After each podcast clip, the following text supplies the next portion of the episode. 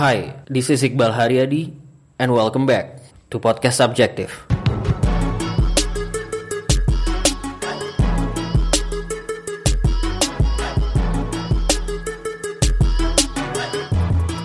Sama tanggalnya 19 Juni 2019 kalau lo dengerin ini berarti gue nggak tahu yang keluar duluan yang mana tapi gue rekaman eh, apa namanya rekaman langsung di waktu yang sama. Tadi gue habis ngobrol sama Bari ada Yuza juga nah sekarang ngobrol sama Yuza perkenalan lagi berarti Halo. Ya. Kenalin gue Yuza, ya, Teku Yuza Mulia, panggilannya Yuza. Gue juga nih. ya Gue Berry, Michael Kevin, panggilannya Berry. oke Bari kepala sekolah di RDU Indonesia. Radio Indonesia Yuza adalah Gue sekarang kerja di Gojek sebagai growth manager. asik Sakit. Gue baru sakit. Dia sebelumnya nggak pernah ngomongnya sebagai growth manager bro. Ini baru- ini jabatan baru bro. lo baru naik ya Baru baru baru banget. Wih, baru gila banget diapresiasi. Gila, growth Gila, manager Gojek sadis. Oke. Enggak cuma gue kok banyak sebetulnya. VP-nya Gojek kayaknya 60. iya, VP aja Ya banyak. nggak apa-apa, tadi kan namanya man- manager dong, kartu namanya manager. Nah, ya. Oke, em, oke, let's start dengan eh, cerita tadi. Apakah Yang anda masuk Gojek dengan ijazah? Sebenarnya kalau ditanya masuk Gojek dengan ijazah, enggak jelas. Enggak, jelas enggak. Oh, Karena iya. ini sebenarnya kerjaan kedua gue. ya, Uh, yang yang gue sering cerita gue masuk tanpa ijazah dan dipertanyakan banget kayak sama orang tuh waktu kerjaan pertama gue which is, waktu itu gue kerja di OLX kan abis lulus Nah. Um, lu bukan yang pernah di ruang guru ya? itu intern dulu Oh, oke. Dua hari sebelum gue lulus Ya, ya, ya. ya emang belum ada ijazah gitu kan Iya, iya, iya, Uh, tapi setelah gue lulus tuh kerjaan pertama gue di OLX dan itu kebetulan gue masuk nggak pakai ijazah itu Oke. yang sering dipertanyakan orang gitu lo kayak kemarin baru ngambil ijazah Eh, lu kerja gimana selama ini pakai apa sih namanya SKL apa gitu bahkan gua nggak pakai itu ya surat buk surat bukti Iya, kelulusan. surat- Lo pakai CV. cuma pakai CV Iya iya iya. Gitu. Ini ini konteksnya tadi kita lagi ngobrolin soal pendidikan. Terus Betul. si uh, Bari Yuza nih satu angkatan sama gua 2010 Iya. yang berarti adalah sudah lulus berapa sih kita? 9. beda-beda sih sebenarnya Iya sih. 2015. Ya? Gue 2015. Gua 2016. Gue berapa ya? Oh gue 2015 juga gua. 4 tahun. Ya 4 tahun 3 4 tahun yang lalu lah. Berarti maksudnya kita lulusnya 3 4 tahun yang lalu Iya. Betul. dan lu baru ngambil ijazah kemarin. kemarin nih sebelum puasa jadi gue menyambut Ramadan Untung udah untung belum dihancurin ya. iya bener itu sempat sempat hilang loh men ijazah gue kemarin jadi waktu gue ngumpulin semua berkas tuh Di dekanat hilang gitu. iya di dekana terus kayak nyari bapaknya nggak ada gila gue sampai harus nunggu besoknya apa dicariin dulu ke mana-mana gue nggak tahu deh. Nggak, tapi ber- ya maksudnya poinnya adalah tiga selama 3 4 tahun ini Anda tetap berkarir dong. betul saya alhamdulillah Iya. bisa tetap berkarir Tidak. Tidak nganggur. Ijazah ternyata Tidak. tidak sepenting itu. Tidak sepenting itu. Iya. At least buat industri yang tempat gue berada sekarang. Iya ya, oke. Kita berarti mau ngobrolin tentang eh, pengalaman kerja di startup lah. Yang Oke. yang mungkin ka- kategori startupnya juga menurut gua Ya, ya, lumayan gitu. Bukan bukan startup yang mulai dari bukan startup lokal lah gampang gitu. Bukan startup lokal yang mulai dari nol banget, Iya, tapi udah na- namanya cukup mentereng gitu. Tadi ya mungkin kita mulai dari yang pertama deh kan lu dulu pertama tadi bilang kerjanya di OLX. Iya. Gimana? Jadi, jadi Gimana apa nih? apa itu tadi? Ya lu kan masuk OLX tadi nggak pakai Nggak pakai ijazah. ijazah, itu gimana? Gimana gimana? Gimana ceritanya? Jadi sebenarnya kalau gue masuk OLX itu dulu, em, kebetulan ada teman yang kerja di OLX. Ya. Gitu loh. Jadi kondisinya waktu itu eh gue ngelamar ke beberapa perusahaan, perusahaan tech semua. Hmm. dengan pengetahuan bahwa gue nggak butuh ijazah ke situ. Emang udah tahu gitu. Karena gue tahu teman-teman gue di beberapa industri mereka butuh ijazah ada ijazah ditahan segala macam tapi gue ng- ngelamar ke tech uh, nggak butuh ijazah. Ada teman juga waktu itu sekalian. Za nih kayaknya ada role yang role yang cocok nih buat lo. Hmm. gitu. Jadi ya udah gue ngasih CV ke teman gue teman gue nge-refer gue dan gue di interview. Yang adalah role-nya yang adalah dulu role-nya apa sih gue lupa oh campaign planner dulu namanya Oh, role-nya oke. gitu Oh iya ini biar ngasih konteks. Lu dulu kuliahnya gua kuliah dulu jurusan matematika, Matematika, iya. Ah, sama kayak Bari beda sama Kuliah apaan sih lu matematika? kuliah matematika itu sering ditanya tuh lu kuliah matematika kerjaan pertama gue itu title-nya namanya campaign planner Iya.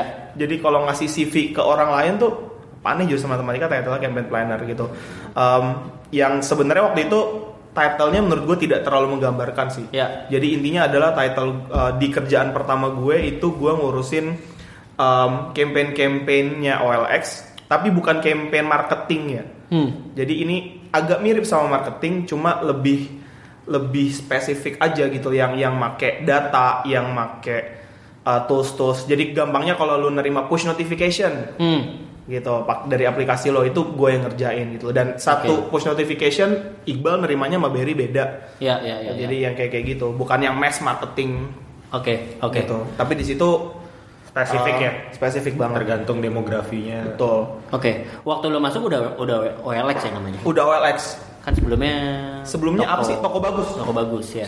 Toko bagus tuh 2000 berapa ya berarti? Udah lama banget tadi. Seingat gue ganti nama tuh 2011 atau 2012 deh.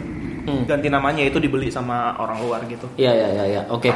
Tapi, Tapi, berat ah, nah terkait ngomongin ijazah tadi ya ada satu uh, mungkin oh gue inget ini ada pertanyaan interview gue waktu itu jadi gue interview sama user gue Hmm. sama satu lagi bosnya di atas ya gue inget banget uh, dia pertanyaan pertamanya Yuza IP kamu berapa gitu. jadi Oke. ternyata tetap ditanya itu IP men Oh, iya. gitu tetap ditanya juga gitu mungkin karena uh, si Mas ini tuh udah dengar dari teman gue yang refer bahwa gue ya, jadi konteksnya adalah gue di kampus nggak sukses sukses banget lah secara akademik gitu. IP gue nggak IPK gue nggak nyampe tiga. Oh, nggak nyampe tiga. nggak nyampe tiga. Gue lupa 2,94 apa berapa gitu. Oke. sekitar itulah. Oke, oke, oke. yang gue kira nggak dipertanyakan sama sekali ternyata ditanya. Eh, tapi ternyata ditanyanya itu bukan buat ngejudge atau apa. Pertanyaan pertamanya IP-nya berapa gue jawab segitu. Pertanyaan keduanya menarik kok bisa za IP kamu segitu? Ah, apa yang kamu pelajarin? Ah, gitu. di ya udah di situ Lu cerita gue cerita aja gitu. Kayak ya emang macam-macam mulai dari emang guanya yang at some point waktu gue kuliah itu interest gue di matematika berkurang sampai akhirnya gue interest sama hal lain. Sampai hal-hal kayak yang emang guanya aja goblok ngatur waktu. Ya, ya. yang gitu-gitu. Dan apa yang gue pelajarin itu gimana bisa ngebantu gue di karir gue pertama ini. Oke, oke. Waktu lu masuk OLX tuh berapa size-nya segimana? Em, kalau nggak salah sekitar ratusan lah 200-300 karyawan untuk. Indonesia ya Oke. dia sebenarnya ada di seluruh dunia Ya. tapi buat di Indonesia ratusan karyawan Jadi lu masuk ke sebuah perusahaan, ya kategorinya tech company, tech company tapi sebenarnya nggak nggak ya nggak small scale juga dan sebenarnya dia Nggak, nggak part, part of global Betul. global company. ya? betul Oke. Terus em, sebagai orang yang baru lulus, Mm-mm. Apa yang lo pelajari bekerja di di perusahaan teknologi sebuah industri yang waktu itu bahkan sampai sekarang juga masih keep emerging kan masih relatively new lah gitu. betul Em, yang gue rasain langsung adalah ternyata kerja di nggak tahu ya waktu gue pertama kerja di OLX tuh kayaknya beda aja sama kerja yang diceritain sama teman-teman gue yang udah kerja duluan Oke. jadi gue lulusnya lima setengah tahun teman-teman gue kan rata-rata empat tahun tuh Ya. mereka ceritanya tentang gimana kehidupan mereka sehari-hari Eh, yang gampang-gampang lah yang kelihatan di kasat mata ya pakaian Ah. jam kerja segala macam Ya. Eh, di situ gue ngerasain oh beda ya ternyata gitu di mana waktu itu orang kerja di startup atau di tech company itu belum common di angkatan-angkatan ya, ya, betul, kita betul. iya nggak sih tahun 2015 16 Ya, itu nggak ya. terlalu gitu baru 2 3 tahun terakhir aja Eh, beda secara secara kasat eh, secara kasat ma eh kasat mata tuh Iya benar-benar. Iya kan yang kasat mata ya, yang kelihatan Ya, kan ya, ya. Ya, yang kasat mata sama beda secara kultur juga gitu. Satu hal yang gua rasain banget sering sih orang ngomongin pace. Hmm. Jalannya cepet banget waktu itu. Ya. Jadi di awal sebenarnya gue sempat agak-agak minder. Wah gila nih gua gua nol banget sementara di tim gua tuh rata-rata orang udah pengalaman kerja gitu loh. Dan Lu junior banget. gue junior banget dah waktu itu di OLX gitu kan. Um, nah tapi pace-nya cepet, tapi kulturnya juga mendukung gue buat belajar mati-matian Oke. gitu. gue ingat salah satu message yang gue terima dari mentor gue, atau ini juga terkenal kata Jack Ma ya kalau nggak salah. Hmm. Lu tuh nyari first boss yang keren. Makanya waktu gue ditawarin temen gue buat masuk, gue tanya bosnya siapa. Dan ketika dibilang bosnya itu orang yang empowering banget, gue mau dan beneran gitu. Ya, ya yang yang quote-nya adalah ya eh, Lu lu follow your boss gitu ya kan. your first apa sih gimana sih? Pokoknya lu bukan nyari kalau lu kerja pertama kali yang lu cari adalah Bosnya. bosnya karena eh, itu yang akan Akan berpengaruh ya, akan berpengaruh gitu. ya, ya.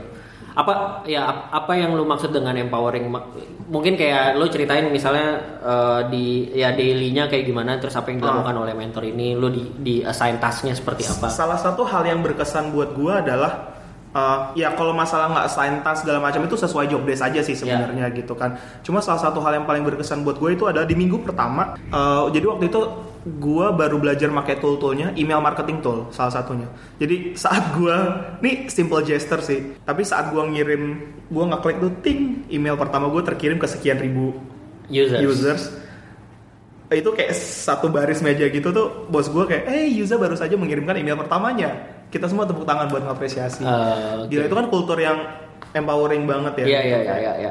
Bahkan ketika gue melakukan kesalahan juga nggak yang di blame, nggak yang apa gitu. Cuma beneran uh, malah beneran di probe. Kenapa kemarin uh, salahnya apa? Menurut kamu kenapa? Apa yang bisa kamu lakuin buat nggak? Hmm. Hal-hal kayak gitu yang gue nggak expect sih. Soalnya nggak tahu ya. Gue dengar dari apa mungkin gue dengar cerita yang salah juga dari teman-teman gue yang Ah, um, kayaknya nggak semuanya dapat privilege nggak semuanya dapat mentor kayak gitu. dapat mentor kayak gitu dan kultur yang kayak gitu gitu. Yang Iya. mungkin ada suatu waktu yang memperbolehkan tepuk tangan rame-rame di kantornya gitu ya nggak nggak semuanya seberuntung itu gitu. Iya iya iya. iya. Dan waktu itu gue ngerasa cukup beruntung gila. Gue gua berarti kan hampir 2 tahun sih, satu tahun 11 bulan. Hmm. Uh, dan itu menyenangkan Eh, sekali. lu dua tahun di OLX. Iya. Cukup lama ya? Iya 2 tahun. Gua kira waktu itu setahun doang enggak ya? Enggak setahun 11 bulan. Oke, jadi oke lu dapat mentor terus eh, seberapa kepake matematika lu? Sebenarnya nggak terlalu kalau di role gue Iya. waktu itu. Oh, di OLX ya, ini? Iya yang di OLX. Karena gini, gue sebenarnya di matematika itu kalau ditanya peminatannya waktu itu konsentrasi utama gue komputasi sebenarnya. Hmm. Banyak banyak belajarnya ngoding ke matematika komput- komputasi lah gitu. Eh, dan sedikit sedikit juga gue sebenarnya agak tertarik sama murni jadi ngambil coba suka coba coba ngambil gitu. Hmm. Tapi di kantor sebenarnya nggak terlalu kepake sih Hmm. gitu ternyata kayaknya cuma satu mata kuliah gue yang beneran gue pakai dari kerjaan pertama gue sampai sekarang itu mata kuliah basis data gue belajar salah satu bahasa eh, SQL di Mhm. situ cuma itu doang yang kepake sampai sekarang Tapi berarti sisanya logic. sisanya logic Ya. dan logic juga bukan berarti ketika gue lulusan matematika logic gue perfect atau gimana gitu sih Eh, ujung-ujungnya juga terlatih sama kebiasaan gue sehari-hari juga di kantor gitu loh Oke, lu ingat gak apa kesalahan atau kayak ke ya pokoknya kesalahan dalam bekerja yang kayak paling parah yang selama lu satu tahun 11 bulan. di Gojek sih yang ada sebenarnya yang parah Oke. Eh, langsung nyambung aja. Eh, ya Maksudnya boleh. nggak harus dioles gitu. Iya, harus iya, iya, boleh, boleh. Tapi Boleh, boleh. eh, satu kesalahan yang waktu itu gue Merasa ini banget merasa, down banget. wah down banget tuh. gue sempet salah. Ini boleh gue sempet salah ngirim voucher Oke. gitu dan itu resikonya ngabisin sekian lah gitu. Jadi waktu itu dan itu hari Minggu apa Sabtu, gue nge-launch suatu eksperimen Aha. Eh, itu ngirimnya weekend terus kayak salah gitu dan itu kayak gue down banget baru masuk lagi lagi probation Anjir. anjrit gue nggak lulus probation nih gitu kan itu itu itu salah satu yang paling berkesan dan gue melakukan hal yang sama beberapa bulan kemudian dalam konteks yang berbeda dalam skala yang jauh lebih besar Oke, oke. Ini ngomongin lebih ke culture sih berarti. Ah. So what what happens after Nah, ternyata lu salah melakukan? what happen adalah kebetulan di dua occasion itu gue punya dua mentor yang berbeda Hmm. gitu dalam baik dalam skala kecil dan dalam skala gede di situ eh gue yang waktu itu panikan gue inget banget eh, mentor gue itu langsung kata-kata pertamanya za calm down Hmm. nggak nggak lu gimana sih? Lu apa sih? gitu gitu itu Hmm. berapa berapa juta tuh hilang nggak tahu waktu itu. Duit company. duit iya duit company coy. Iya. Lah. kan gue mikir anjir gue gue jadi nggak digaji berapa bulan nih nanti gitu ya gila ya. Uh, ya udah calm down. Dan waktu itu gue beneran dibimbing karena gue baru banget ya gue beneran dibimbing uh, stepnya apa aja nih buat nge-solve. Gitu. Jadi Iya. oh lu dan itu nggak langsung semerta-merta dia yang nge-solve itu, itu itu yang waktu itu berkesan banget buat gue nggak langsung mentor gue yang nge-solve dia bilang gue coba lu begini coba lu gini coba lu gini coba lu gini Jadi bukan tipe yang kayak ah, anak buah goblok ya di sini gue benerin gitu. Iya nggak yang kayak gitu gitu loh. Uh, bahkan oh bahkan pertama dia nanya dulu menurut lo ini diapain? Oke. Bahkan di waktu-waktu kayak gitu, gue masih cukup beruntung dapat kesempatan kayak gitu. Di probing. Di probing lagi gitu, menurut lu diapain nih? Kalau gini-gini gimana? Bener nggak stepnya? Oh, menurut gue yang kurang ini, yang kurang ini. Gitu. Iya, iya, iya. Gitu. Gitu. Dan ditanya kalau dan gak dipaksain juga kalau gue butuh butuh ada yang dibantu, dia nawarin juga. Oke. Ini biar nambah konteks deh karena kita tiba-tiba lompat ke Gojek. Iya, iya, Jadi ke- lo satu tahun 11 bulan di OLX. Tuh. Habis itu lo eh, di, di satu tahun 11 bulan itu posisi role lu satu atau Sama. pernah Sama. enggak sama, Sama ya. terus. Oke. Oh. Sama terus terus lu pindah ke Gojek. gue pindah ke Ada Gojek. gap nggak antara lu dari satu tahun 11 bulan ke Nggak langsung. langsung? Oke, berarti Dan itu enggak Seberangan kantornya, seberang- kantornya seberangan kayak gue gue Jumat last day Senin depannya udah nyebrang ke kantor Gojek. Kantornya sama-sama di pasar eh, di blok. nggak nggak ngerasa pindah? Nggak Oke. ngerasa. Nah, berarti ini agak agak lompat ke, agak lompat dulu ke oke, lu kerja di OLX satu Iya. tahun 11 bulan atau satu tahun berapa bulan terus lu ngerasa apa sampai kayaknya gue harus cabut nih.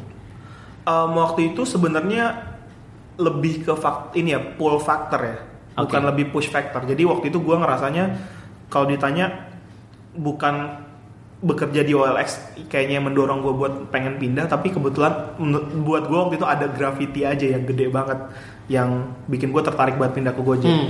Gitu. Yang sebenarnya itu udah be- be- be- beberapa bulan tuh ada adik kelas gue kan yang emang sering banget Kak, ini ada role kayak cocok buat lo. Kak, ini ada buat lo. Anak gue tuh masih dia anak gojek adik Ah. kelas gue di matematika dulu berkali-kali masih enggak deh enggak deh enggak deh enggak deh gitu Eh, tapi akhirnya ada satu role yang kayaknya wah menarik nih gitu Hmm. Uh, dan waktu itu setelah ada prosesnya gue ngobrol juga uh, sama anak yang ngajakin gue Ya. gue nanya-nanya juga sama teman yang udah ada di dalam ini kayaknya challenge-nya gede banget buat gue nih kayaknya learning curve-nya bakal gila-gilaan jadi lebih ke pull factor sih waktu itu Oke.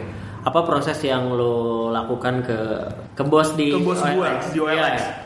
Proses resign itu kayak gimana? Gue nggak pernah resign. Gila, proses resign proses resign ya jadi eh, lu nggak pernah interview juga kan lu? Gue interview. Oh, interview. Ya tapi, Tapi ngobrol kan? Interview interviewan. interview interview ada dulu ya.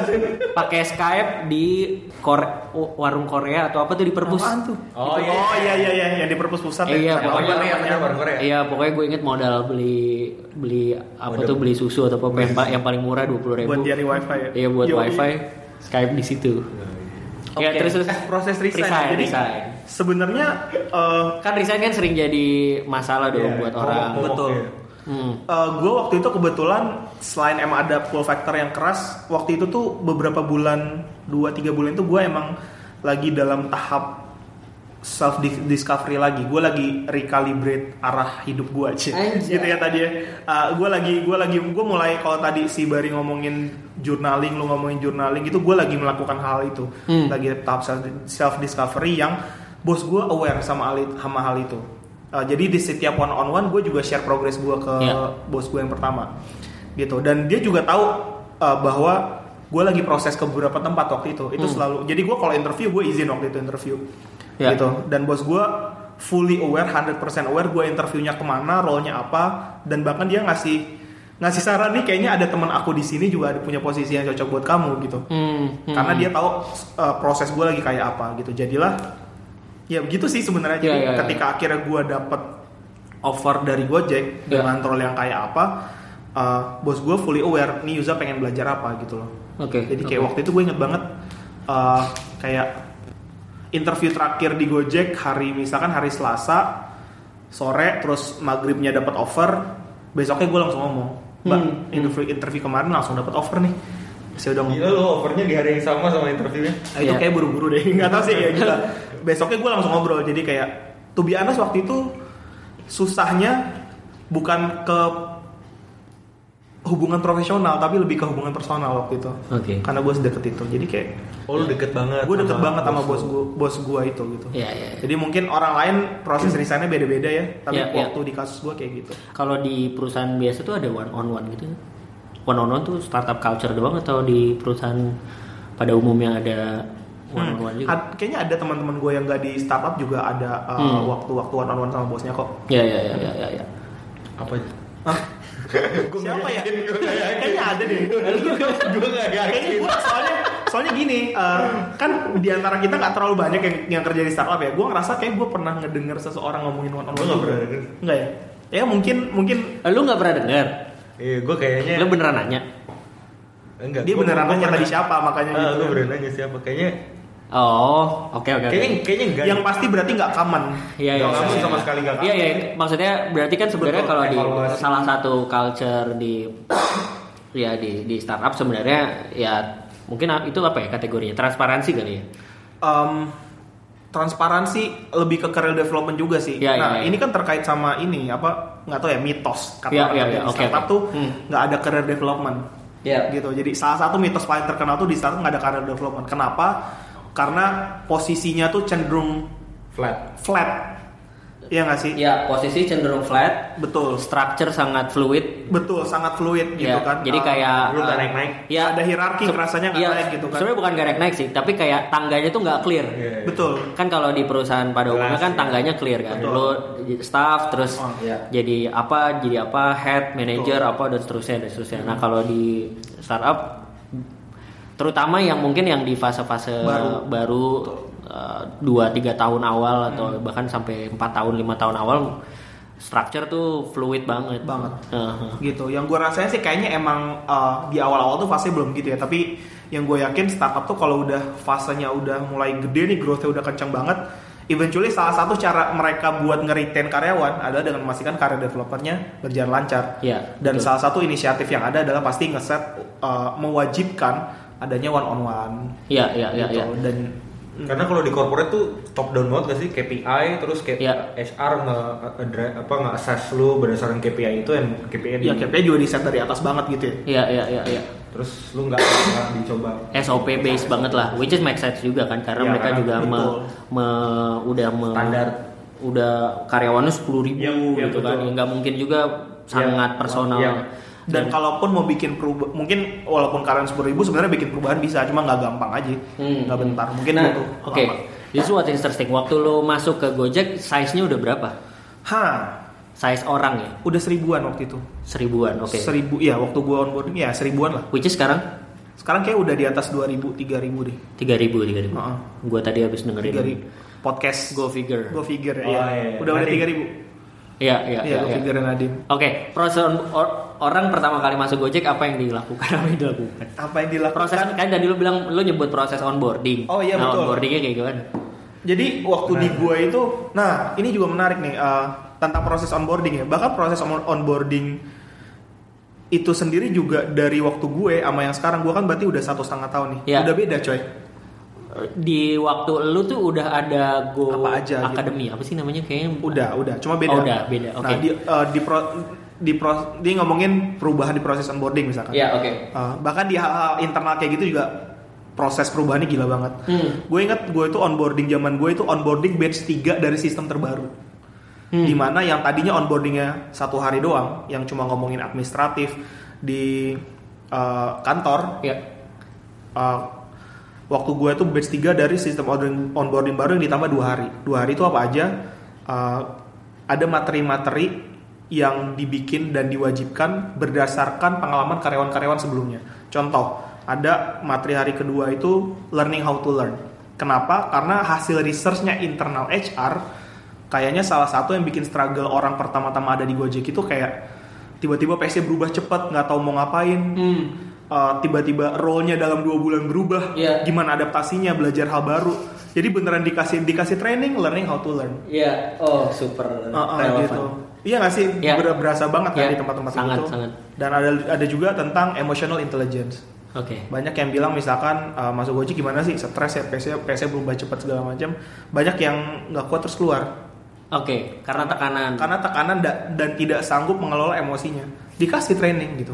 Hmm. Dan itu hasil Apa apa coba trainingnya misalnya apa? Pas emotional intelligence pas apa? ya? emotional intelligence itu gue misalkan yang gue ingat dikasih tahu apa namanya eh, jenis emosi itu apa aja terus kayak di, dibikin diagram kartesius ada ada emosi positif emosi negatif ada emosi yang energinya besar dan emosi yang energinya kecil Oke. jadi kalau marah itu adalah emosi negatif yang energinya besar ya kan bahkan dulu marah tuh kayak bahasa Inggris marah kan banyak ya ada angry ada Peace. Iya ada peace, ada yang gitu-gitu. Kalau ada happy, ada jubilant. Nah itu tuh ternyata beda-beda. Ada yang energi kecil yang besar gitu. Kuadrannya beda-beda. Betul, kuadrannya beda-beda. Kalau lo mau mindahin, nggak bisa mindahin dari misalkan kuadran tuh dua tiga yang negatif dan energi kecil jadi kuadran satu yang positif dan energi besar. Pelan-pelan pindahnya. Dike- digedein dulu energinya, baru dipositifin. Ah. Nah itu itu kayak gitu lah kira-kira. Itu Oke. based on emotional intelligence Ya, Daniel Goleman. Bagaimana si pengetahuan emotional intelligence itu kepake di kerjaan lo? buat gue waktu itu kepake banget. Gimana, Uh, at least buat gue ya, gue nggak Iya. tahu sih yang lain. Iya, ya. Cuman iya, iya. gue tipikal yang Gue gue bisa share pengalaman gue juga. Nah, mungkin lu bisa share juga. Kalau di gue waktu itu eh, salah satunya yang di kasus tadi yang ngerasa salah tadi kayak gue ngerasa goblok banget men kayak gue waktu itu emosinya kayak sedih Hmm. dan gue gue mencoba mengingat itu kayak guna deh gitu jadi gimana gue mengubah emosi sedih gue itu at least jadi tenang dulu Mhm. gue tahu gue nggak akan bisa langsung bikin Happy. happy, Iya, gitu, iya, gitu kan iya. ya kayak gitu dan itu beneran gue praktekin sih dan itu at least di awal-awal masih nyang, masih nyangkut banget ya Oke, kalau kalau pengalaman yang dari marah, misalnya lu ada lu punya junior atau kayak lu punya peers yang eh, kerjaan lu jadi ribet gara-gara dia gitu, ada. Terus lu da- dari marah lu harus Gitu.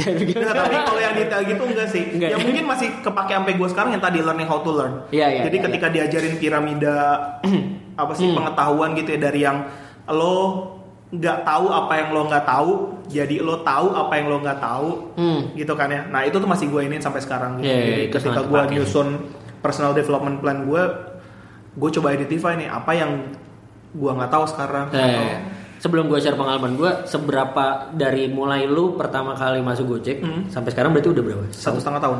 Satu setengah tahun berapa kali role lu berubah? Role gue sama terus sih, lebih ke responsibility aja, Oke. aja yang kira naik-naik terus. Gitu. Tapi berubah banget nggak atau kayak uh, Paling- secara struktur udah stabil soalnya? Secara structure sebenarnya nggak stabil juga sih, lebih ke eh, misalkan nih eh, di awal-awal itu tiga bulan pertama gue megangnya tok-tok gue pulsa dan masih ngintilin mentor gue Hmm. gitu. Di di tiga bulan kedua gue mulai megang produk lain waktu itu Gotix misalkan. Hmm. tapi masih ngin- eh, ngintil-ngintil udah berkurang. Gue udah mulai disuruh sendiri. Iya. gitu. Terus quarter eh, enam bulan seterusnya gue udah mulai dicoba eh, masih punya mentor tapi udah mulai manage tim sedikit gitu Mhm. terus kayak enam bulan terakhir gue udah mulai manage tim coba sendiri yang gitu-gitu Iya iya iya. iya. secara job description tidak berubah cuma secara apa yang dipegang suka aha. berubah Iya, iya. dan tanggung jawabnya juga naik Which means setiap kali yang lu pegang berubah lu harus belajar lagi. betul Lu- banget Iya lu nggak bisa yang kayak pakai lagi yang kemarin nggak bisa belajar lagi. Uh, Atau ada akumulasinya. ada juga akumulasinya karena juga uh, bukan cuma guanya harus adaptasi nih bahkan tim gue secara besar nih itu juga banyak berubah pola kerjanya gitu Hmm, hmm. Uh, Tiap berapa bulan? tiap tiga atau enam bulan sekali gitu problem apa yang mau di solve cara Iya, solve iya, problemnya gitu Iya, iya, gitu iya. sesimpel misalkan uh, di suatu quarter ada sempat itu kita ada proses problem solving sebelum nentuin job desk yang apa sebelum nentuin goal yang detail tuh sebulan men dan di quarter selanjutnya kita langsung evaluasi. Kemarin kelamaan. Hmm. anggaplah satu quarter tuh problem solving sebulan kita cuma kerja dua, bulan, dong Ngambil seperti Uh-uh, dan langsung dievaluasi oh ya udah dikurangin prosesnya apa yang bisa diefisienin lagi dan gitu seterusnya. Iya iya iya iya. Gue tadi bahas yang emotional intelligence yang mau gue share adalah karena gue lagi dengerin eh, ya gue figure gue pikir sih is the only podcast yang gue dengerin sekarang sih sebenarnya. Karena super relevan banget. Terus yang tadi terakhir gue dengerin gue dengerin lagi episode pertama. Eh, jadi kerja di startup itu kalau Nadim ngomongnya sebenarnya founders. Hmm. konteksnya founders. Tapi menurut gue semua tim sih. Kerja di startup terutama yang masih kecil itu take a lot of mental apa ya jadi mental health-nya tuh lu harus kuat banget gitu Oh, emosi resilient. resilient Resilient. resilient secara mental tuh harus kuat karena banyak hal yang berhubungan dengan ya perubahan-perubahan perubahan-perubahan mental itu sih. Jadi kayak misalnya kalau konteksnya tadi kayak misalnya kalau yang di gue yang terjadi adalah misalnya structure sangat fluid kan. Jadi kayak tiga ya sebulan kayak gini tiba-tiba bulan depan berubah lagi. Gue harus gue ibaratnya gue udah adaptasi terus kayak berubah lagi gue harus adaptasi lagi. Terus terus nggak lama tiga bulan berubah lagi. Terus yang tadinya misalnya gue punya tim, gue jadi nggak punya tim gitu. Yang tadinya gue punya banyak orang, gue jadi kerja sendiri.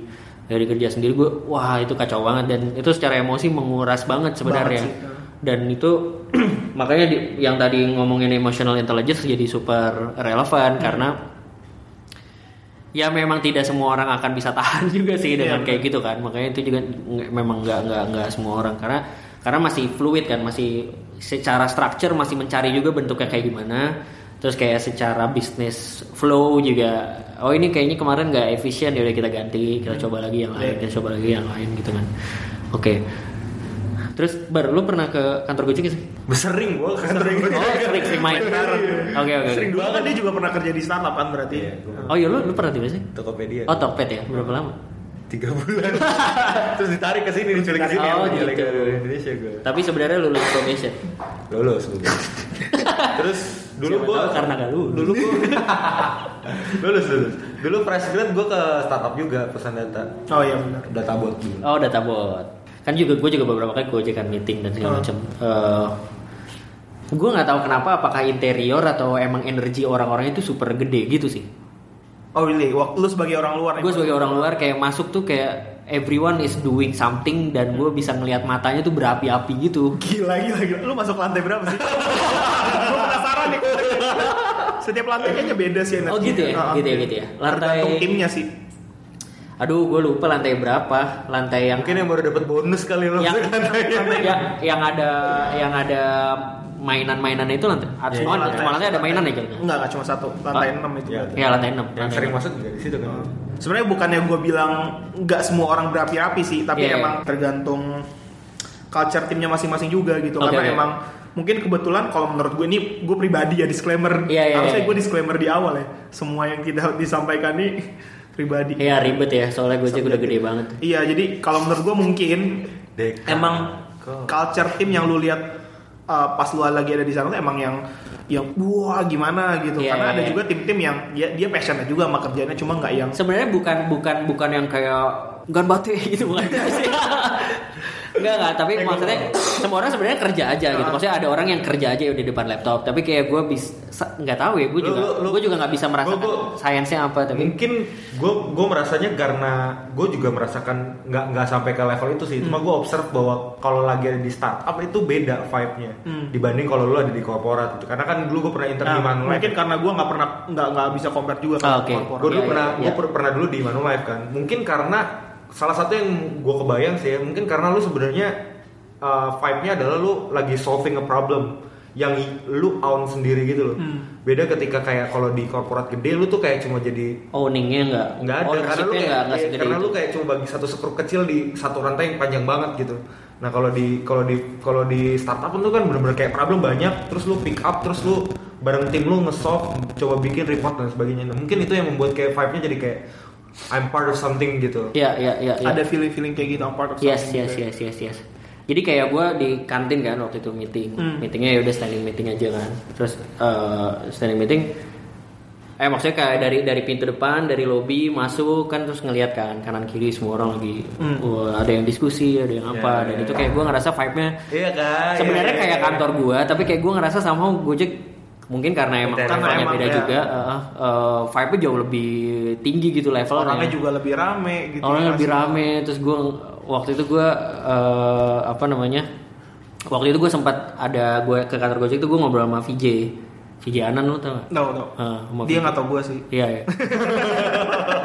Bisa jadi, gue nggak tahu juga. Ya, gue ngobrol sama VJ Anan sharing-sharing lah Ah. gitu dan dia kan legend ya, Hmm, legend di dunia agency Iya, marketing gitu-gitu Hmm. kan. Dan super humble eh, energinya ngomong sama gue yang Hmm. siapalah gue gitu kan receh eh, tetap sama gitu dengan gue ngelihat dia meeting sebelumnya juga soalnya. Kayak gue ngelihat dia ngobrol sama orang terus ketemu sama gue gini, gini same ini. Jadi gue ini banget sih kayak Hmm. kebakar banget juga masuk ke sana. Mungkin karena secara visual lu kayak kayak dreaming wanting kantor yang visualnya kayak gitu. Could be Iya, kayak- could be kayak ya. di orang ada banyak bilik-bilik mungkin terus kayak- mungkin internally ada ada pengaruh juga karena pada saat itu gue lagi on fire juga ya Ah, mungkin. bisa jadi. ya ya bisa jadi. Excitement. Excitement. It's one of the interesting. Ya dan dan emang semangat itu nggak tahu ya kalau gue ngerasa emang yang di atas atasnya itu emang sangat berapi-api sih. Jadi kayak lu mau nggak mau ketularan juga di bawahnya. Hmm, hmm. Gitu orang-orang yang di atas tuh mission driven banget. ya Nggak semua ya karena kan scale-nya gede orangnya banyak. Nggak kita kita bisa pastikan nggak semua orang ada yang kayak nggak semua orang mission driven gitu. Ya. Cuma kadang emang karena vibe-nya yang ditularkan gitu segitu banget jadi ke bawah jadi ke bawah banget. Itu Oke. itu juga salah satu faktor sih. lu kan oke sebenarnya kalau ngomongin lu sebagai individu lu kan satu di antara 3000 ribuan orang. tiga ribu tuh di Jakarta doang atau di eh di Indonesia doang Semua. atau di luar juga semua, Semua. Ya satu dari tiga ribu orang ya which is um, masih kecil banget kan gitu maksudnya ya lu sebenarnya ada banyak orang lain lah lu hanya bagian kecil dari si gede ini gitu how do you bagaimana lu di Gojek bisa punya ownership yang tinggi terhadap apa yang lu kerjakan di sana? Apa sih apa sih habit-habit yang dilakukan dari tim? Ada ritual Nah. apa gitu setiap pagi. Enggak sih. Menyembah logo Gojek misalnya. Kalau buat gue uh, personally nggak selalu state gue tuh kayak gitu. Oke. Nggak selalu gue punya ownership yang besar. Gue nggak selalu juga ngerasa jadi part of something bigger. Ya. Tapi yang gue coba lakukan adalah dengan terus komunikasi sama tim gue, sama atasan gue gitu. Oke. Ketika gue mulai ngerasa gue ngapain sih, itu ada juga momen-momen kayak gitu Ya, kan, ya, gitu ya. kan.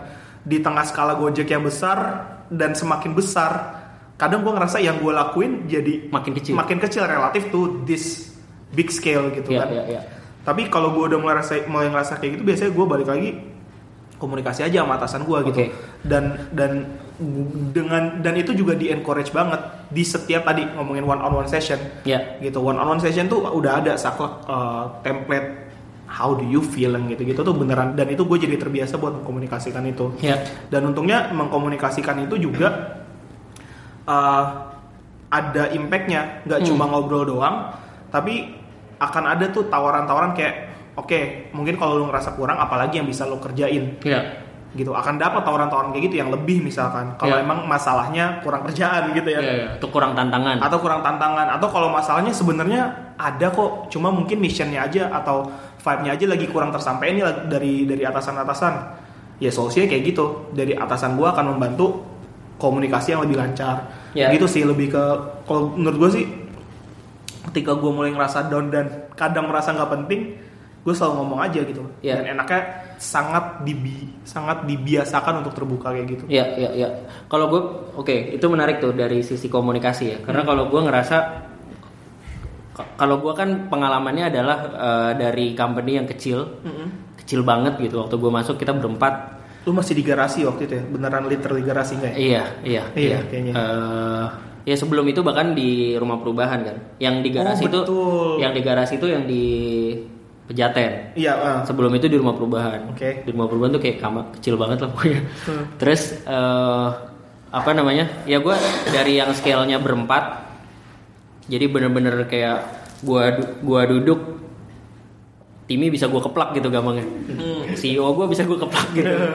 Eh, ke yang sekarang udah Sekarang berapa? sekarang kayak almost 200 mungkin ya, 150-an lebih gue nggak tahu persisnya sih tapi kayak ada yang nggak lu kenal lah ya. iya banyak banget yang nggak gue Ah, kenal gitu kayak lu Itu tandanya tuh ya. lu siapa sih Iya, iya. kayak ya kayak gitulah nah sebenarnya salah satu yang salah satu yang sangat terasa perbedaan signifikannya adalah komunikasi karena pas gua pas kita scale-nya kecil pas scale-nya adalah empat orang enam orang under 20 under 30 itu kayak eh, gampangnya semua orang di satu ruangan yang sama tuh tahu apa yang lagi terjadi. Hmm. jadi kayak kita nggak perlu ada nggak perlu ada meeting khusus untuk membahas apa yang lagi terjadi. Atau misalnya kayak oh ini ada ada sesuatu yang terjadi. Otomatis semua langsung tahu dan semua tahu apa yang harus dikerjakan. Hmm. Dan semua dengan dengan cara seperti itu semua orang jadi punya ownership yang tinggi kan terhadap company terhadap apa misi yang lagi kita jalankan dan segala macam. Tapi once itu membesar eh, komunikasi dari atas makin jauh ke bawah kan. Betul. mau nggak mau gitu mau nggak mau yang bawah tuh jadi ya tadi makin ngerasa kecil sebenarnya. Kalau dia tidak mendapatkan komunikasi yang tepat dari atas apa sih sebenarnya yang dilakukan? Karena kalau udah di level staff banget misalnya ya yang dilakukan sebenarnya cuma jawabin customers jawabin email which is itu kan bukan sesuatu yang yang nggak mungkin orang jawabin email tuh kayak wow semangat bro Iya, gitu iya, kan nggak iya, mungkin iya, dong ya biasa aja jawab email mah tidak ada emosi Iya iya benar-benar. Anjir gue gak bayangin. Jawab email demi demi Indonesia.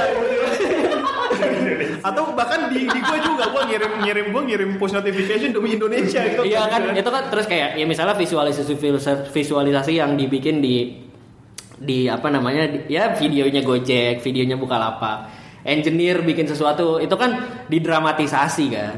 Ya maksudnya ada bagian itu benar, tapi kayak tidak tidak serta merta kayak selama kerjaan tuh kayak wah gitu ada Iya. eureka proses. Iya, iya, iya. 90 persennya adalah ya udah di depan layar hitam aja udah taktik taktik taktik gitu tidak ada emosinya kan. Jadi kayak eh, tanpa adanya komunikasi yang tepat eh, atau jalur komunikasi yang pas dari atas ke bawah, orang di bawah pada akhirnya ngerasa ya gue cuma kuli gitu Betul. tidak ada misinya dan gue akan mengerjakan itu mungkin nggak akan sustain kayak tiga bulan mungkin gue kan bosen gue nggak tahu apa yang gue kerjakan nih emang ngaruh ya sama company gitu. Kayaknya gue nggak masuk juga nggak apa-apa gitu nggak dicariin kalau gue nggak masuk kayak gitu kan. Jadi makin ngerasa ininya. Jadi nah itu yang bikin eh, tadi kalau ngomongin kayak scale dari yang tadinya nggak ada structure jadi harus ada structure. Betul. karena jadi harus ada middle middle manager yang menyampaikan apa sih yang lagi kita lakukan gitu. Hmm. ada mentor yang ngasih tahu ke bawah kita lagi ini misinya gitu. Jadi lo harus tahu yang lo kerjakan bukan bukan ngetik email tapi lu lagi bantu orang kayak gitu. Ada ada ininya ada ada ada why-nya gitu. ada ada narasinya narasi. ada narasinya. Dan itu em, menurut gue salah satu hal signifikan yang membedakan gue nggak mau mendewakan startup ya tapi kayak eh, mau startup punya vibe besar itu ya salah satunya karena why-nya clear. Orang-orang tahu apa yang mereka kerjakan tuh gunanya buat apa dan kenapa gitu. Kalau di Gojek gimana menurut gue uh, of course ya biasanya kan uh, di semua company itu ada ada inisiatif-inisiatif dari HR gitu ya buat internal communication dan dan baik itu bentuknya. Misalkan yang common via email ke semua semua everyone lah gitu ya everyone at the company atau kayak penuansan-penuansan yang ada di kantor gitu. Yeah. jadi kalau lo main ke kantor Gojek itu penuansannya gila banget sih emang gitu. Makanya apa nih? Penuansan yang lo maksud apa? Misal- Contoh uh, yang paling sering dipamerin biasanya uh, sesimpel uh, nuansa kantornya jalan ada Iya.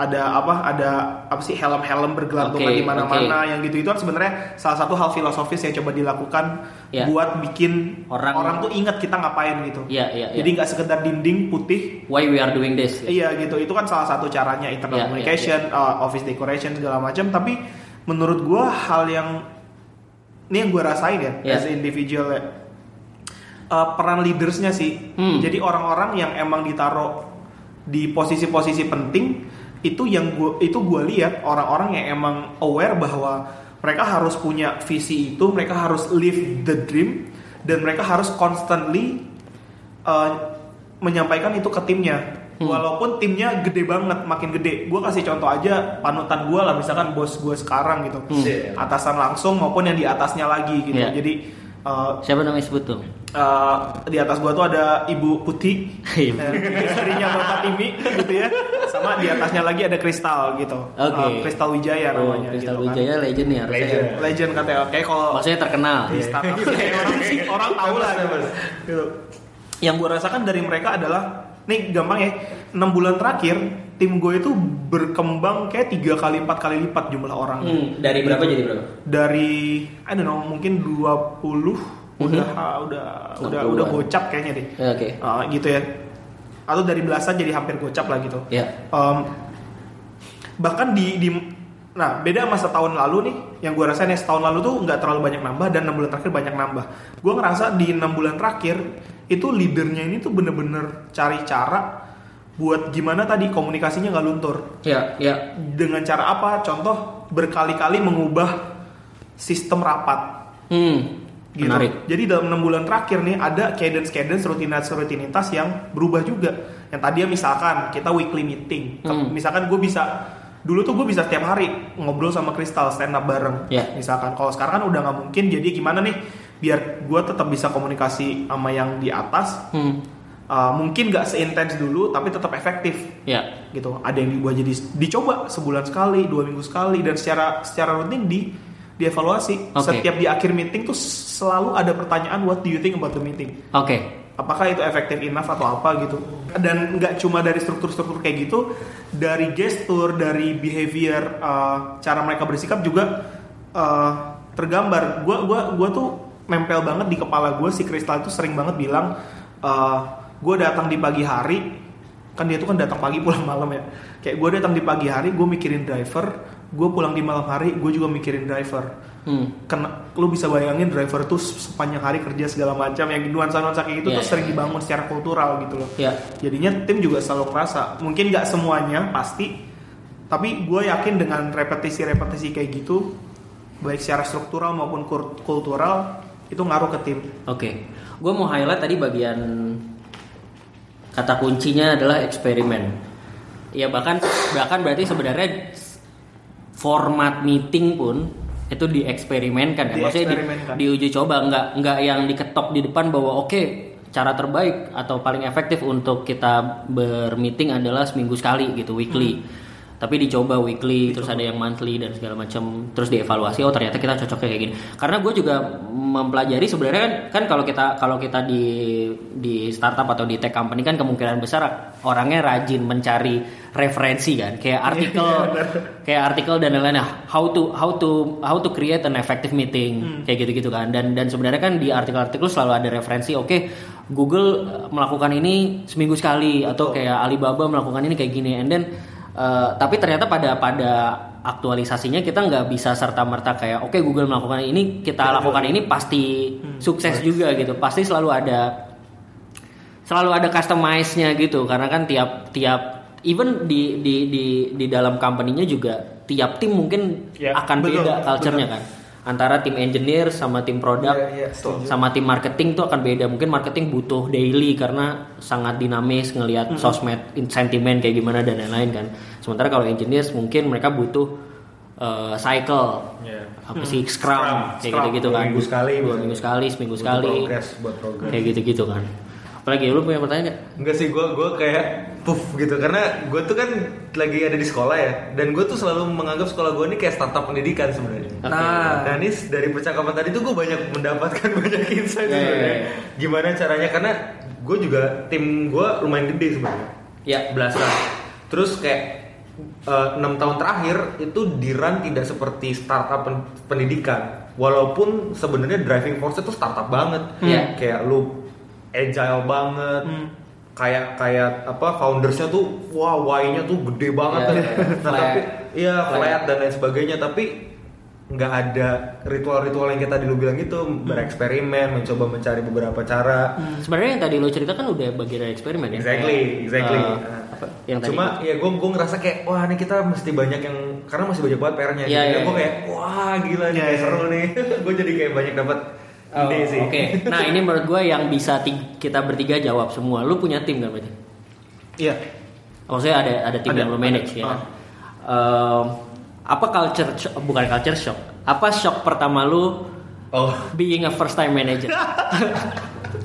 Pertama kali jadi manajer yang harus membawahi orang gitu. Yang yang tentunya eh, berbeda dengan zaman kita ngebem kan. Betul Ya, banget. Yuza ngebem, eh, Bari ngebem jadi ketua departemen dan apa dan apa. Asik, asik, asik. BEM ya mas.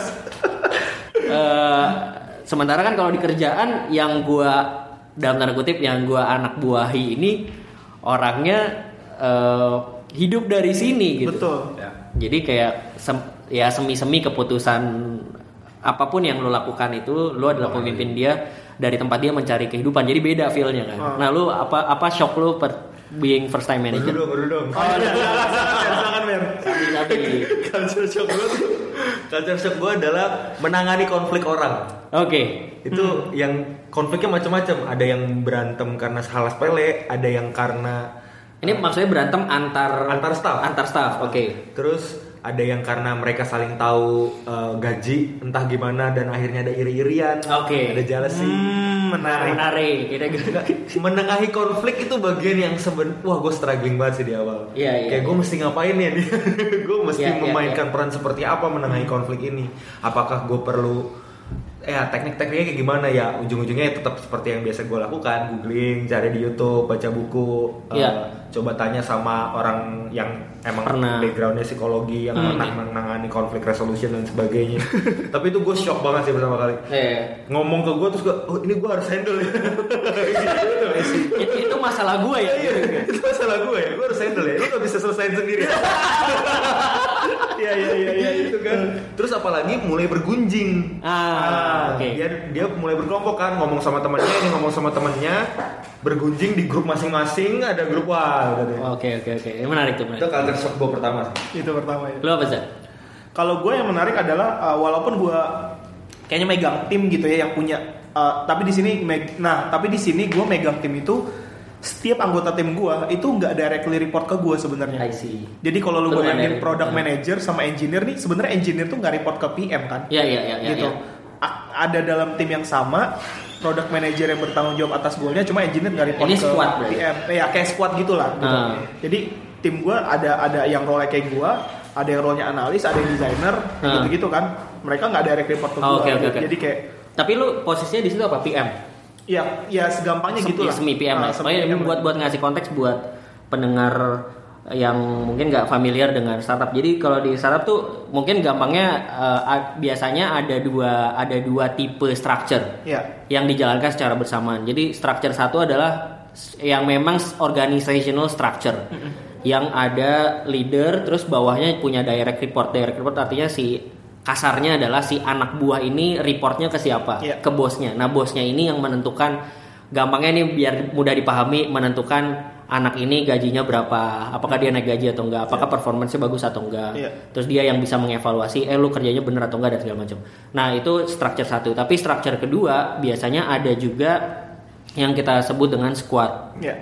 Coba lu kayaknya menjelaskan lebih ini. Kalau squad tuh Gimana ya, apa kalau bedanya? squad itu jadi uh, isinya adalah orang dari berbagai tim yang berbeda tadi secara struktur organisasi, tapi mereka di set buat memenuhi sebuah goal yang spesifik ke squad itu doang. ya misalnya kalau di Gojek Misalnya kalau di gue itu ada uh, squad apa? uh, squadnya kalau yang di gue itu tugasnya gimana ya gue takut ada yang salah-salah ngomong. Oh, yaudah, yaudah, kita kita cari yang lain, kita cari. Oke, Spotify deh misalnya. Ya, misalkan nih, misalkan di Spotify. gue takut salah ngomong. Enggak, gua gua paham kalau Iya. takut salah ngomong bahaya Iya, soal gitu. scale-nya misalkan sedikit. misalkan apa ya, Spotify Uh, Sp- Spotify itu mungkin ya kayaknya ada squad yang beneran ngurus daily mix Ya, gitu jadi ada squad yang isinya itu product manager Ya. yang kerjaannya ngatur roadmap daily mix itu kayak apa fitur-fiturnya ada Ya. analis data analis yang isinya eh, yang tugasnya mungkin ngelihat analyticsnya orang make daily mix nggak sih berapa Ya, orang yang ya, baru ya. make berapa orang yang make lagi dan segala macam ada jadi goal, desainer ya, jadi goalnya adalah how they improve the daily mix feature the daily mix feature. Ah, ah. Tapi di situ ada desainernya, Ah. ada analisnya, Betul. ada product manajernya, ada mungkin orang marketingnya, Ya. dan mereka bekerja sama untuk mengimprove si feature daily mix ini. Tapi Betul. Masing-masing anggotanya tuh sebenarnya bosnya tetap yang di structure. di structure Jadi eh, desainer bosnya adalah bos structure bukan kepala bukan kepala squad, squad. tadi ya, gitu Ya, ya, ya. Cuman beda ya? Ya, ya. Mungkin kalau di sekolah tuh kayak Iya. eh kepa apa tuh guru tuh kepa- kepala sekolah gitu. Eh guru ke kepala sekolah itu organizational structure. Oh. Tapi kalau misalnya sekolah lagi mau bikin eh, apa namanya meeting Event. kelas meeting kelas meeting yaitu berarti ada guru olahraga ikutan ada guru BK ikutan ada ini Ah, iya, iya. Nah, Kayak tapi lebih. ketua Ada ketua kepanitiaan. kepanitiaan Kepanitiaan semacam juga. kepanitiaan Iya, ya, benar, persis persis persis jadi tidak menu- jadi si ketua kepanitiaan tidak tidak serta merta bisa memutuskan wah lu kerjanya goblok gaji lu gue turunin misalnya Iya, gitu iya. itu tetap bos strukturnya Betul. Nah Ya. itu tadi balik lagi ke yang tadi shock gue itu tadi jadi kayak gue pertama gue nggak punya gue pertama nge-lead tim tapi gue nggak punya direct report sebenarnya. Hmm. Jadi gue harus apa ya kayak sendiri sen- eh, nggak sendiri sih lebih ke gue waktu itu benar-benar struggle gue memahami gimana nih gue nge-manage orang yang nggak direct report ke gue sebenarnya gitu. Oke oke Itu oke. yang pertama. Karena sebenarnya secara secara Struktural. secara struktural lu nggak punya power. gue nggak punya power buat ini mereka. Jadi kan gue harus belajar banget gimana Iya, iya. Ibaratnya dia nggak nggak sebenarnya tidak merasa lu bosnya. Betul gitu. Tapi gue harus ngeyakinin ini tim bahwa kita punya goal tertentu nih. Ya ya gitu ya. ya kan yang sering kali mungkin mereka juga dapat kerjaan lain dari squad lain gitu loh Iya, iya, nah itu iya. satu dan yang kedua eh, terkait kultur startup sih Hmm. yang biasanya kan gini eh, dikasihnya modelnya visi atau goal gitu ya Iya. kita yang ngejalanin itu Hmm. diberi lebih banyak kebebasan untuk nentuin how-nya caranya gimana gitu. Nah biasanya karena adanya kebebasan ini eh, per- banyak banget perbedaan bukan perbedaan sih lebih ke ide-ide yang muncul tuh jadi banyak banget kan. Ya. nah ngelurusin ide-ide itu semua ngebalikin itu semua ke goal yang yang bener-bener kita pengen tuju tuh suka susah banget. Karena ada misalkan seseorang ngerasa satu fitur nih kayaknya kita harus ngebangun fitur A buat mencapai goal ini tapi belum tentu sebenarnya Ya. nah ini orang A percaya banget gitu Ya, ya, ya. Nah mungkin salah satu caranya adalah yang gue pelajarin eh, tidak serta merta bilang A itu nggak guna, tapi mungkin waktu yang gue pakai adalah yaudah eh, dua lu pakai 20% waktu lu gue percayain buat explore itu option A bisa atau enggak, tapi 80% waktu lu yang beneran kita udah tahu pasti ada impactnya ke goal ini gitu loh. Ya. Tapi tetap dikasih 20% waktu lu mungkin bisa lu pakai buat explore itu. Dan ternyata kalau itu emang impactful, good for you, good for us gitu. Ya. Nah itu itu lumayan sih belajar waktu itu. First shocknya itu itu. Hmm, hmm, hmm. ya, ya. Kalau lu gimana? Gue ya, gue. Ah. Gua, wah banyak nih kalau gua. Eh, mungkin yang pertama gue inget kan, jadi gua tuh pertama, gua kan orangnya temen banget ya, maksudnya friendly banget lah gitu, kayak anak tongkrongan banget lah gitu. Kalau gua, Anak tongkrong. kalau maksudnya kalau ada circle gua, ya pasti gua jadi temen banget gitu sama circle ini. Nah, yang jadi tantangan pertama gua adalah gua kan berangkat dari tadi kan, timnya kecil, yang ibaratnya gua tuh temen semua orang. Apalagi pada pada saat itu, pada saat pada saat masih kecil kayak under 10 orang, Eh, gampangnya gini, eh, Fikri, Fikra Tim itu lagi zaman zamannya sering keluar banget lah karena business development, cari cari investor dan lain-lain kayak gitu gitu lah. Jadi jarang banget di kantor. Jadi eh, gua tuh jadi kayak semi-semi jadi kayak ibu ibunya Oh. anak-anak gitu kayak temennya semua gitu, temen semua orang. Saat ini bapak-bapak nggak ada gitu ya. Iya, saatnya bapak temennya semua orang dan kayak semua orang tuh curhat masalah apa pun ke gua. Mama Dede. termasuk masalah masalah kerjaan gitu kayak eh gue di eh, apa namanya gue kok ngerasa kayak gini ya yang mereka nggak bisa yang nggak berani sampaikan ke atas langsung Uh. gitu. Mereka cerita ke gue gue yang ceritain. Jadi kayak jadi jembatan gitu pun sebaliknya. Eh, sering kali juga kayak dari dari CEO ada hal-hal cultural yang agak awkward kalau dia yang nyampein langsung. Terus kayak eh ek- implicit implicitnya bilang kayak gimana ya lu aja deh yang nyampein tapi pakai bahasa yang enak lah gitu. Nah itu kan kayak gue temen kan itu statusnya. And then jadi manager nih. Hmm. nah itu kayak trans transisi itu yang eh, agak awkward sih. Karena yang tadinya temen terus gue jadi kayak eh, oh gue jadi tahu gaji dia gitu. Oh iya iya benar benar benar. Eh, terus ternyata dia kayak gini gue jadi harus menilai dia secara objektif. Terus jadi kayak gue inget kayak waktu kita masih temen kayaknya kerjaan lu bagus. Ternyata pas gue udah jadi jadi manajer kerjaan lu hancur ya gitu. Dan gue mau nggak mau kan gue harus me, meng- apa ya mengevaluasi dan lain-lain kayak gitu. Itu itu lumayan shock sih Wah, buat gue iya. Dan dan Setuju. dan ya transisi. dan dan tadinya tadinya gue beratnya adalah karena gue merasa gue masih bisa jadi teman Mak- maksudnya masih bisa praktis sebagai teman seperti dahulu kala gitu tapi ternyata cara bertemannya harus agak emang harus agak ada jarak gitu supaya lebih objektif Eh, nggak nggak bisa yang kayak ngerti gak gue nggak gue agak susah jelasin dan, dan takut salah tapi poinnya adalah eh, Saya setuju. Kalau lu nggak menjaga nggak menjaga hubungan itu tuh Gue kayak struggling juga deh. iya iya iya. emotionally pasti lu terpengaruh. jadi kayak lu Karena iya guru ini kan juga teman-teman gue. Jadi. Iya. Iya iya iya. Jadi lu pengen deket sama mereka, Hmm, iya, iya, tapi iya. lu nggak bisa terlalu deket supaya lu masih bisa ngelihat bigger picture ya kan. Lu nggak Betul, bisa betul. yang terlalu emotional. Uh, ibaratnya kayak kalau kalau sering di bisnis kan sering dibilang ya uh, sebenarnya yang efektif lu nggak jadi family, tapi lu jadi tim sport. Iya iya iya. iya. Kalau kalau lu jadi family, jadi kayak jadi kayak Fast and Furious. Betul. Walaupun si keluarga ini bikin salah, tetap lu belain, tetap lu hancurin tuh kota. Gue selamatin keluarga gua, padahal salah gitu. Tapi kalau tim sport kan ya lu kita main efektif efektif efektif efektifan nih kalau kita bisa capai goal kita everyone happy tapi kalau ada lu nggak ngerjain part lu kita sama jadi nggak efektif eh, mencapai goal kita dan mau nggak mau lu harus dievaluasi kayak gitu itu gue sih satu apa lagi ya Oh gue belum pernah tuh menarik tuh. itu ya mungkin karena gue kan berangkatnya dari kecil ya Iya. terus mungkin kedua insecurity Hmm. insecurity to have smarter people under you Oke. Eh, i- Wah ini sulit sih. pokoknya orang yang lebih dari lo Eh, smarter even eh, eh, gaji lebih gede Hmm.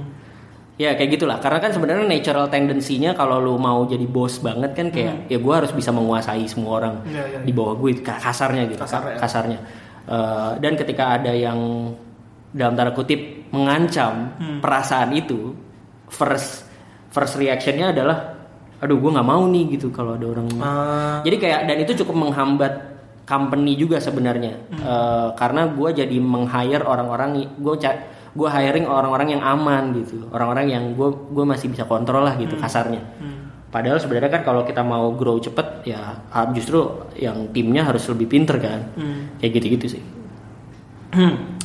Kalau di gue mungkin nggak tahu uh, terkait itu kayaknya lagi-lagi kultur ya ya di BSC. Ya. At least gue personally ngerasain kayaknya ya nggak tahu sih kalau beneran udah di posisi itu ya Hmm. tapi kalau udah tapi karena kultur ini gua rasa kayaknya akan nggak apa-apa sih Iya.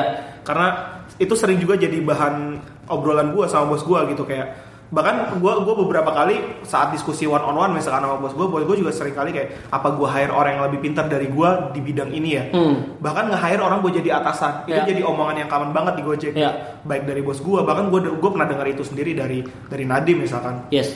Nah, gua rasa di Gojek culture itu udah culture mature. itu yang sudah mature gitu culture itu udah mature. mungkin belum semua orang uh, apa ya kayak internalisasi itu Iya, gitu iya, cuma iya, iya, iya. itu su- sudah berusaha dibangun gua rasa Itu itu dibahas tuh sama Nadim. Eh, maksudnya sama Nadim dan Kevin. Hmm.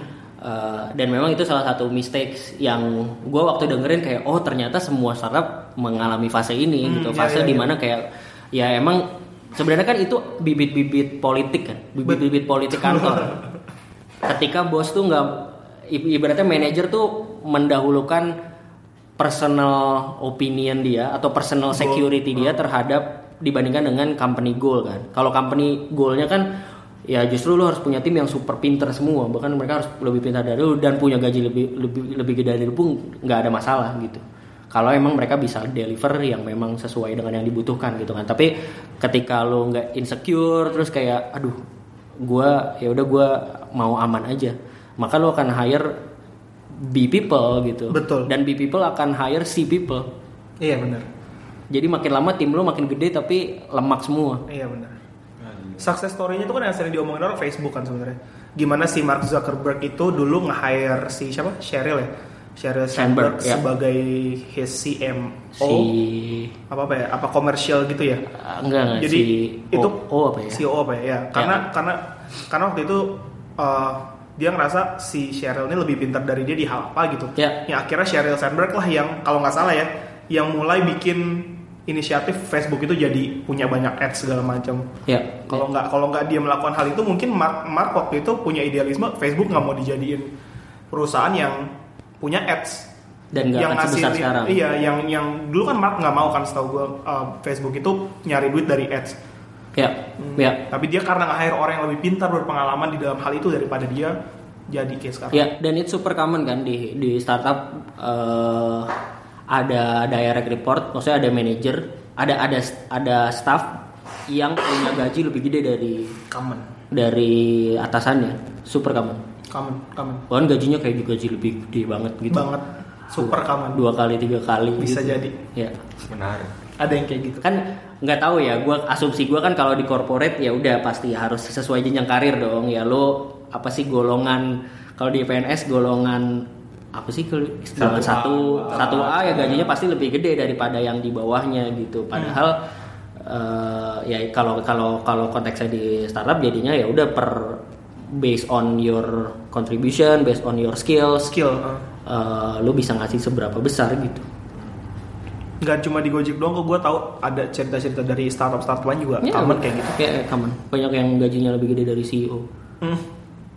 dari CEO bahkan Iya. betul Ini gue baru tahu sih. itu iya itu common kok Iya, iya, iya. Oke. Eh, terakhir nih udah sejam apa ya? Gini deh. em, sekarang kan lu udah jalanin dunia startup ya kan. If you can go back ke kuliah, Hmm. apa yang akan lu siapkan berbeda untuk memasuki dunia startup?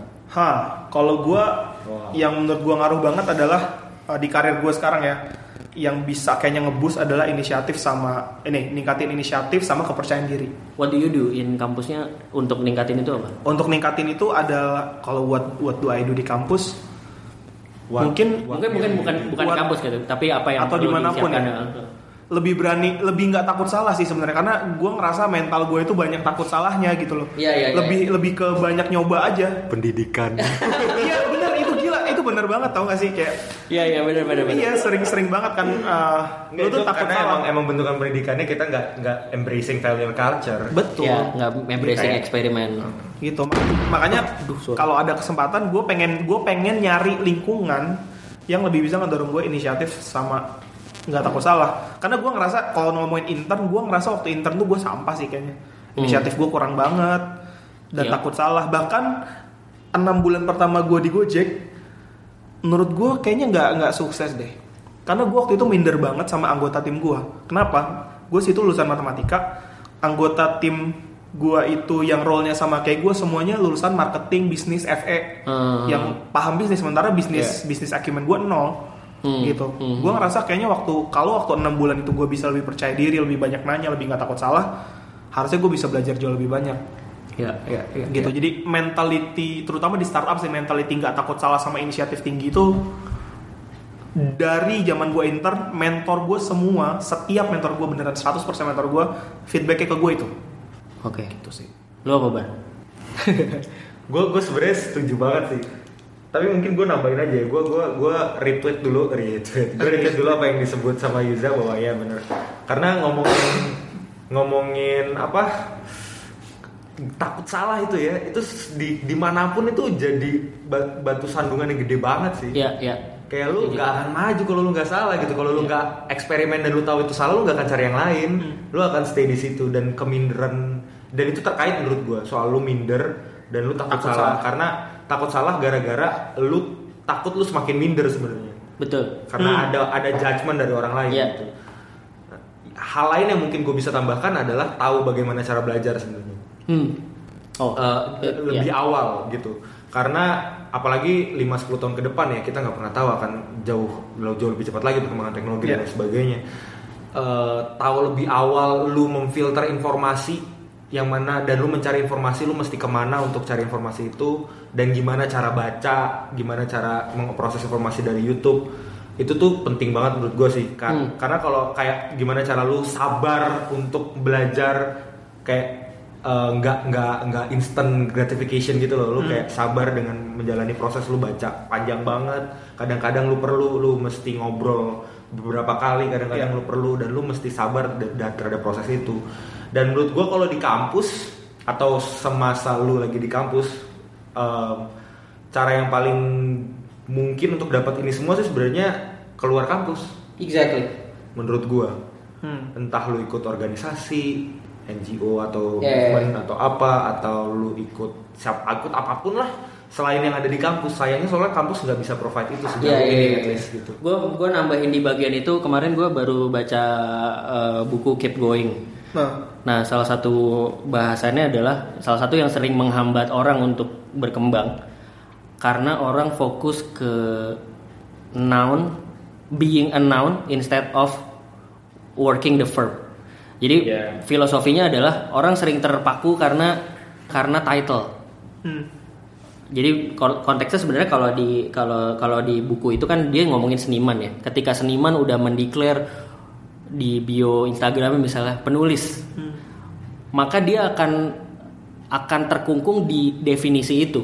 ah Padahal dia bisa keluar dari itu. ya, ya. Kalau dia kalau dia misalnya mendefinisikan dirinya adalah eh, yang dia yang dia definisikan dari dirinya adalah dia menulis sesuatu atau menulis keindahan bumi gitu misalnya. Outputnya bisa lagu, bisa tulisan, Ah, bisa foto bisa foto, it's menulis juga gitu kan. Dan segala macam gitu. Jadi outputnya bisa beragam. Dan pada akhirnya dia bisa jadi fotografer, dia bisa jadi ini pada waktu yang bersamaan. That's what happened with uh, Leonardo da Vinci. ya ah ya ya ya, ya. He's a mathematician, dia artis juga, dia gila ya gila ya. dokter juga dan apa. Karena dia fokusnya ya udah gua gua di dunia ini mengerjakan apa? Gitu kayak uh, misi gua apa dan gue fokus ke gimana caranya gue bisa mengerjakan itu. Dan gua, akhirnya gue jadi apa ya itu nanti urusan nanti gitu. Eh, nah konteksnya ke ini misalnya sebenarnya tadi nyambung ke yang mahasiswa ya mungkin karena mahasiswa mikirnya gue mahasiswa. Kerjaan gue adalah belajar di kampus gitu kan. Atau ya kalau gue kalau gue berkepanitiaan atau apa misalnya ya gue mengabdi di kampus gitu kan. Jadi selamanya terkungkung di sana. Padahal sebenarnya bisa keluar itu dan dan itu yang tadi kalau menjawab pertanyaan gue gue menjawab pertanyaan yang tadi sebenarnya gue mau pengen itu gue nggak mau gue terkungkung di kampus gitu karena pada akhirnya setelah gue pikir-pikir apa yang gue pelajari di kampus yang membawa gue ke titik sekarang tuh sedikit gitu Iya. lebih banyak kontribusinya yang gue pelajari di luar, Di luar kampus. kampus. Gue pernah magang di ju- apa jadi jurnalis, gue pernah apa dan itu kontribusinya jauh lebih besar dibandingkan yang gue pelajarin di kampus. Gitu sih. Jadi ka- tapi tapi gue mau highlight bagian itu sih tadi bahwa eh, diperluas eh, bukan diperluas sih justru dispesifikin jangan pernah em, mentargetkan jadi sebuah posisi atau Iya. atau profesi gitu. Karena profesi lu bisa hilang, posisi itu setelah lu dapat juga lu kehilangan tujuan hidup juga gitu nantinya. Jadi Iya. fokus ke problem exactly issue apa yang mau mau mau di solve, problem apa yang ada di masyarakat atau ada di diri lu sendiri yang lu mau address dan caranya tuh bisa macam-macam. Dan uh, problem drive apa driven by problems itu jauh lebih strong pushnya Ya, dibandingkan ya, ya. dengan gue mau jadi presiden World Bank gitu.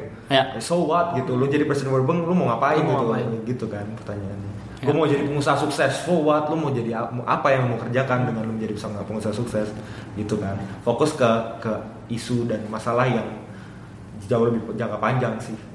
Iya, iya, iya. Oke, ya berarti summary-nya adalah satu jangan takut gagal. Eh maksudnya beraniin diri untuk cobain dan gagal nggak apa-apa. Yang kedua tadi belum sih? Eh, belajar- Learning how to learn. Oh, learning how to learn that's super important karena sebenarnya apa pun yang dikerjakan di startup dan mungkin di kerjaan pada umumnya semuanya bisa dipelajari, tapi kalau lu as long as lu tahu cara cara belajarnya gimana, cara dapat informasinya di mana. Sama yang ketiga tadi, doing the verb instead of being the noun. Benar nggak sih omongan gue? iya. Doing- Iya benar ya. Iya, iya. working the verb tadi. Iya working, Iya, the, verb, working the verb. instead of doing the noun. Ya makanya gue ganti bio Instagram gue. Oh, Anjing, gitu? gitu. Iya. Supaya orang notice tuh dia. Lihat ah, anjir gue I'm, gak I'm nyadar. still working on it lah. Tapi maksudnya tadinya noun gue bikin jadi jadi verb gitu. Ya oke, sip. Thank you Zah. Udah wah udah malam banget nih. Gue udah cariin istri gue. Eh, thank you Bar. yang udah punya istri. Sip. Iya. eh apa lu mau promo Instagram lu? Promo apa Instagram At gue? ngobrol sama teman. Iya gue promoin itu kali ya. Oh, boleh, boleh. Ah, iya, Matematika. kalau mau ngobrol-ngobrol sama gue bisa ke @yuzamulia di Instagram atau eh, kalau mau ngeliatin beberapa hal lain juga of course @gojek Indonesia. Ya. Uh, at live at Gojek. Nah ini karena kita ngomongin karir gitu ya. Ya. uh, ada Instagramnya sebenarnya at live at Gojek. Ya. Uh, itu banyak lah Cerita orang-orang cerita yang orang-orang bekerja di yang Gojek. bekerja di Gojek. Lo bisa banyak dapat perspektif di luar perspektif gue ini. Sama satu lagi promosi at ngobrol matematika itu yang gue kerjain bareng Berry dan berbagai beberapa teman-teman lain. Podcastnya Gojek dong. Sama dengerin podcastnya Oh, Gojek, bener. Gue podcast pikir Gojek. itu Ya, podcast nih. favoritnya Iqbal sekarang Betul. juga. Kalau ada yang nanya ke gua, "Bang, rekomendasi podcast." Ya, kalau kalau jawaban jujurnya adalah sekarang gua hanya mendengarkan podcast itu. Oke. Ya, sip. Thank Sip, you. Thank you. Bye guys, please be subjective.